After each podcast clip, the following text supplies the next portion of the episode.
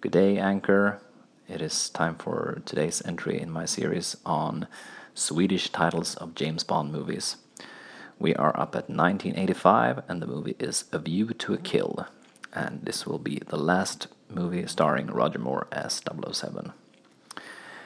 Um, I personally don't like this movie.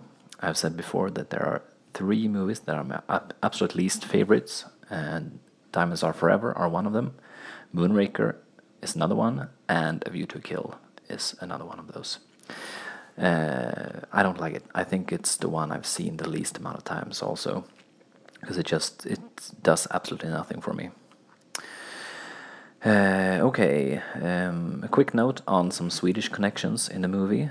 As I said yesterday, uh, Mary Stavin, who is one of Octopussy's henchwomen, shows up in this movie as well. Uh, IMDb says her role is called Kimberly Jones, and I haven't seen the movie in a long time, so I'm not sure who that character is.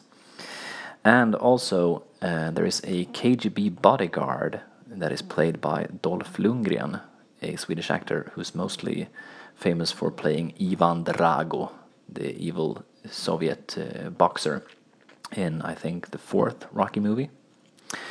Uh, anyway, A View to Kill, as I mentioned in an earlier episode, the title for this one was used. The Swedish title for this one was used for For Your Eyes Only. That is called Ur dödlig synvinkel, which is a pretty good translation of From a View to a Kill, which the Fleming novel that this title is uh, taken from was originally called. So instead, View to a Kill is called Levande måltavla in Swedish. Levande måltavla. That means living target. Okay, that's it. James Bond will return.